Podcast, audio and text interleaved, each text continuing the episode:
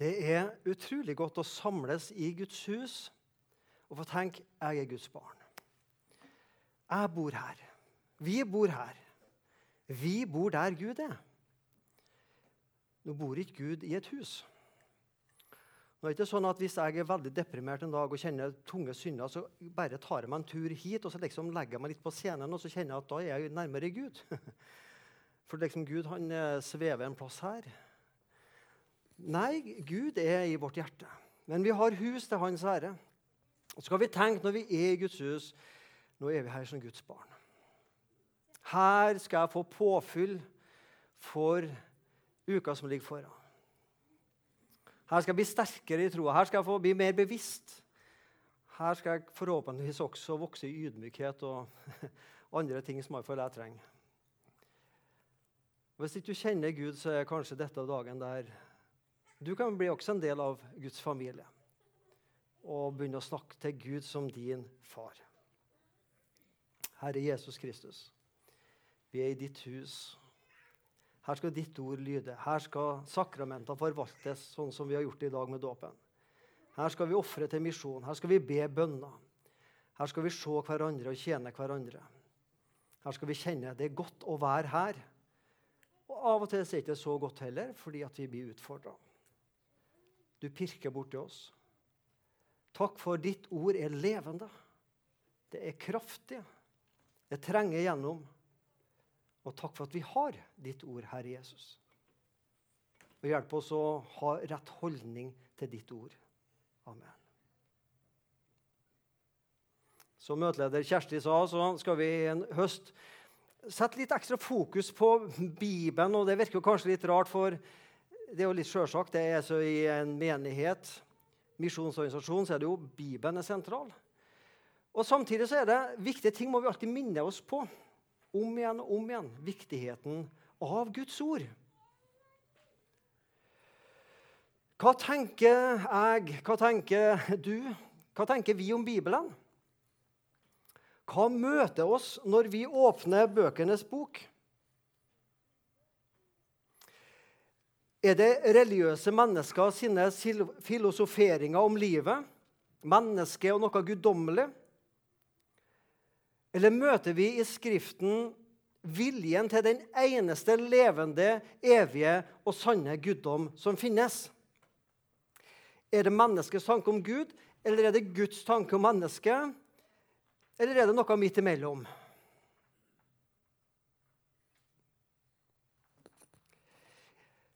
Det handler om holdninga til Bibelen, til Guds ord. Og For meg og for Misjonssand som menighet så er det viktig å si at Bibelen er Guds ord. Ikke bare Bibelen inneholder Guds ord. Så skal vi prøve å finne ut hva Gud mener innimellom alle ordene. Men Bibelen er Guds ord. Altså I Bibelen så leser vi hva Gud vil si oss, hva Han vil med våre liv en viktig holdning. En annen viktig holdning er at Jesus er Guds ord. Han er selve ordet. Så når jeg tar til meg ordet i Bibelen, så, så er det Jesus som kommer og gjør noe med meg og deg. Ordet og person, personen Jesus, er knytta sammen. Jeg sier av og til, og sikkert du også, vi vil gjerne møte Jesus. Ja, Men han er jo i Bibelen. Han er ikke langt unna. Og Det tredje jeg vil ta fram og si litt om, det at, at, at det er viktig, at det er avgjørende og viktig at vi har, leser, mottar og tror Guds ord. Les det, lær det og lev det. Lese, lære, leve. Jeg tror det er slagordet til Fjellhaug bibelskole. Og det er et godt slagord. Lese, lære, å leve. Sånn er det vi skal tenke om Guds ord. Vi skal lese det, vi skal lære det, og så må det leves ut. Vi som er predikanter, er flinke i anførselstegn til å forkynne at. Det er viktig at det ene og andre. Og så er vi kanskje ikke like flinke til å fortelle hvordan, hvordan, hvordan man gjør det. Men i dag så er det mitt, eh, mitt poeng i dag er at. Bibelen er Guds ord. Og Hvordan vi leser det, er viktig, men det skal ikke jeg si noe om i dag. Men i dag vil jeg understreke at Bibelen er Guds ord. Vi skal lese fra 2. Timoteus brev, kapittel 3, vers 14-17. Det er Paulus som skriver til sin medarbeider Timoteus. Men du, Timoteus, du skal holde fast på det du har lært og blitt overbevist om. Du vet jo hvem du har lært det av. Ja, han har lært det av apostelen Paulus, men også av andre. Helt fra du var lite barn. Det var en kjekk tekst i dag når vi hadde barnedåp. ikke sant? Helt fra du var lite barn, Josef. Timoteus, sett inn navnet ditt. Har du kjent de hellige skriftene? Og når Paulus skriver, så er jo det Det gamle testamentet. Nytestamentet var jo ikke skrevet da. De, altså de skriftene som kan gi deg visdom til frelse ved troen på Jesus Kristus. Interessant. Leser du Gammeltestamentet, så kan du få visdom til frelse ved troen på Jesus. Hver bok i Skriften er innåndet, innblåst av Gud og nyttig til opplæring, til rettevising, veiledning og oppdragelse i rettferd, så det mennesket som tilhører Gud, kan være fullt utrustet til all god gjerning. Jeg skal ikke legge ut det ordet, men jeg, jeg las det fordi det sier noe om viktigheten som Paulus vil understreke for Timoteus. Timoteus, det ordet du har lært om Gud fra Bibelen, det må du ta vare på. Guds ord er apostler og profeters ord. De talte, de formidla Guds ord, og ikke menneskemeninger. Ikke alltid, men ofte så lærte apostler og profeter det motsatte av det menneskene ville høre. Det er alltid kjekt å fortelle det mennesker vil høre, for da blir det godt likt. Men for apostler og profeter så var det viktigste å si 'Så sier Herren'. Hvor mye de brukte pekefingeren, det vet jeg ikke, men jeg la merke til meg noen skole, så kom pekefingeren. 'Så sier Herren'. Ja, Det er Gud som sier det. Så sier Herren. Ikke hva flertallet av biskoper måtte mene. Ikke hva et samla hovedstyre i Misjonssambandet måtte mene. Ikke hva et flertallsvedtak på et årsmøte i Misjonssalen måtte bestemme. Forhåpentligvis kan det stemme med Guds ord, alle disse tinga. Men overalt så sier Herren. Her i Bibelen så hører vi primært hva Gud mener om mennesket, og sekundært hva mennesket mener om Gud og det guddommelige. Det er Guds tale og ikke religionsfilosofi vi driver på med i Misjonssalen i Sandnes. Kom over denne sangen eh, på Spotify en dag. Eller du kommer ikke over en sang på Spotify, men du legger den til der begynner å lære meg det der etter hvert, sjøl i høy alder. Speak, O Lord, as we come to you, to receive the food of your holy word. Take your truth, plant it deep in us, shape and fashion us in your likeness. That the light of Christ might be seen today in our acts of love and our deeds of faith. Speak, O Lord, and fulfill in us all your purposes for your glory. Tal, Herre, når vi kommer til deg for å motta maten i ditt hellige ord. Ta din sannhet, Gud, og plant den dypt ned i oss og forme oss etter din likhet. For at Kristi lys kan bli sett i dag gjennom våre handlinger, gjort i kjærlighet og gjennom våre troshandlinger. Tal, Herre, og fullfør i oss alle dine hensikter til din ære oversatt av en amatør i engelsk. Gud, snakk til meg. Please, Lord, speak to me. Å, gode Gud, snakk til meg. Du kjenner deg igjen, iallfall i løpet av livet. Den der den desperate holdninga. Gud, jeg trenger noe fra deg. Snakk til meg, Gud. Gi meg et ord. La meg få høre deg, Gud. Og Gud svarer på den bønna, han.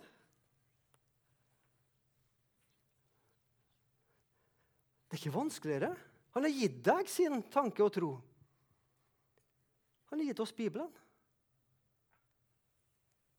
Det er ikke ofte jeg har hørt Guds stemme inni meg. Jeg vet vel egentlig om jeg aldri har hørt det sånn skikkelig, men jeg, jeg har fått noen tanker av og til som jeg ser ettertid. Det var Gud som planta ned i meg. Men eh, jeg har Guds ord. Han har snakka til meg. Guds ord er mat. Speak, O Lord, as we come to you to receive the food. Maten, Gud, for å overleve. Maten for å få krefter. Maten vi spiser for å være hyggelige mennesker og omgås.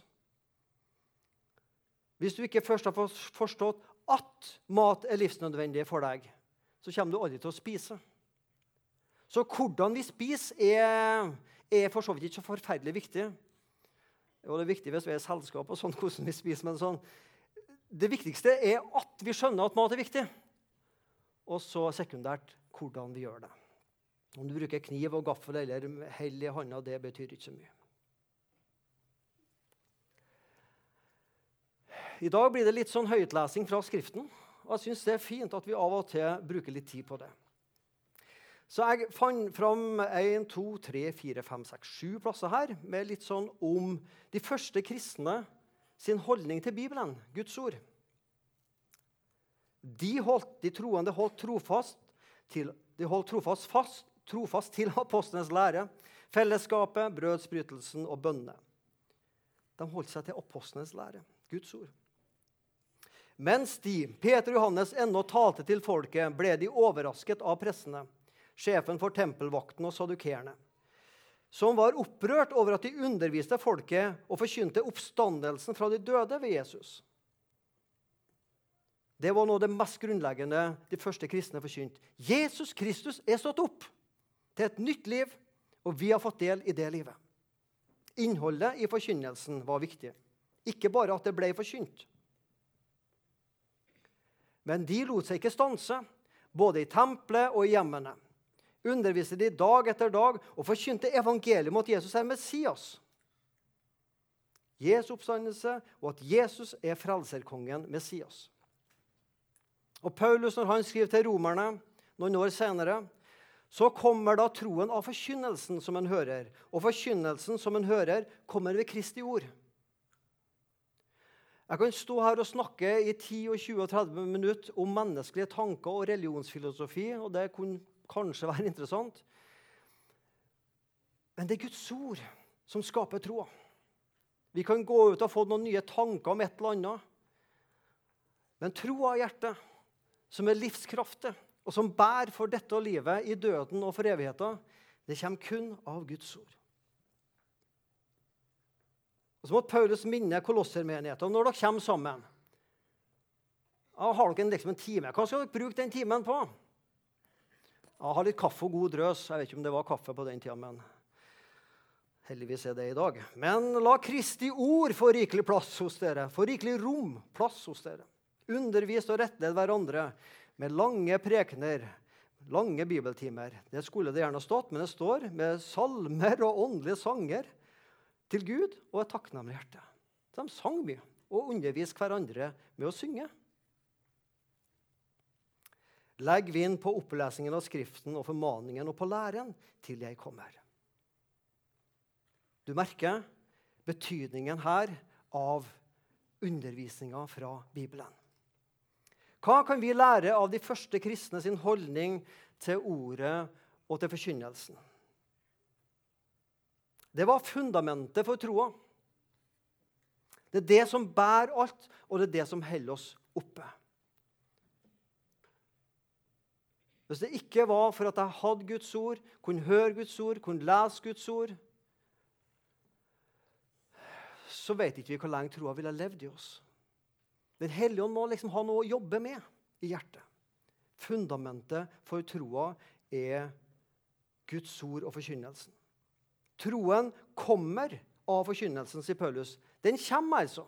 Den er, ikke, den er ikke der automatisk i hjertet. Når jeg fødes, er jeg proppfull av Guds ord i hjertet. Nei.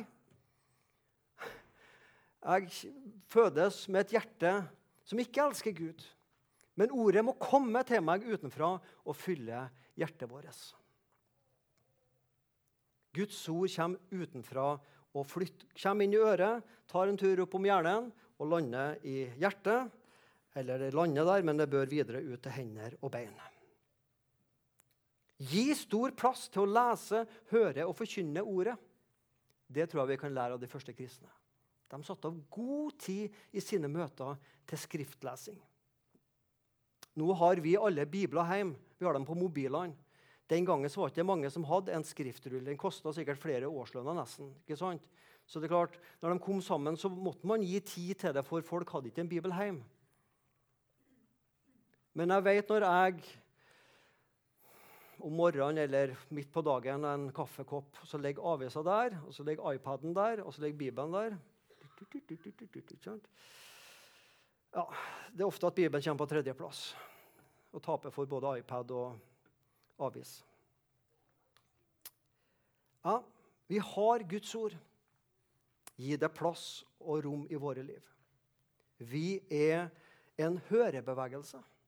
Det er det du opplever nå. Du får noen ord forkynt ut gjennom en høyttaler, forhåpentligvis gode ord, og så hører du noe som forhåpentligvis Gud sier ja og amen til, og som kan virke i oss. De forkynte de første kristne at Jesus er den lovede frelserkongen. De forkynte at hans død er en soningsdød for våre synder. De forkynte at Jesus sto seirende opp fra de døde. Han lever i dag, og han kommer igjen. Det var innholdet. Hvem er Jesus? Hvorfor kom han? Hva var hensikten med hans liv?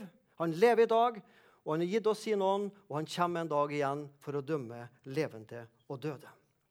Dette budskapet skaper tro og skapte den kristne bevegelsen, og den opprettholder vår tro og den kristne bevegelse. Den hellige ånd trenger å ha noe å jobbe med. Eh, en måte som et bål. Den hellige ånd må ha noe ved å bære til bålet for å holde det varmt og levende. Ordet fra Guds munn er et sånt levende ord som holder troa levende i oss. Brennbart materiale. De første kristne vi bruker av og til å si at de hadde de fire b-ene. Bibel og bønn og brødsbrytelse, som er da en nattvær. og Broderfellesskapet. Søstrene er også med, men det måtte liksom være en B her. Det kristne fellesskapet. Og så Mange av dere som går for fast i misjonssalen, kjenner til, vi snakker om de fire t-ene. Her vil vi tro, og vi vil tilhøre, vi vil tilbe og tjene. Hvis vi har ingen bibelforkynnelse, så har vi heller ingen tro. Bibelen forteller meg at Gud ønsker at jeg skal tilhøre Han, og hvordan jeg kan begynne å tilhøre Gud. Og at jeg kan være trygg på at jeg tilhører Gud. Bibelen maler ut for meg hvem han er, han som jeg og du skal tilbe. Og Bibelen forteller oss om nådegaver og andre gaver, naturgaver, som vi tjener hverandre med. Så disse tro og tilhøre, tilbe og tjene, de har sin grunn i Bibelen. Og der finner vi måte, brensel til å holde disse verdiene levende.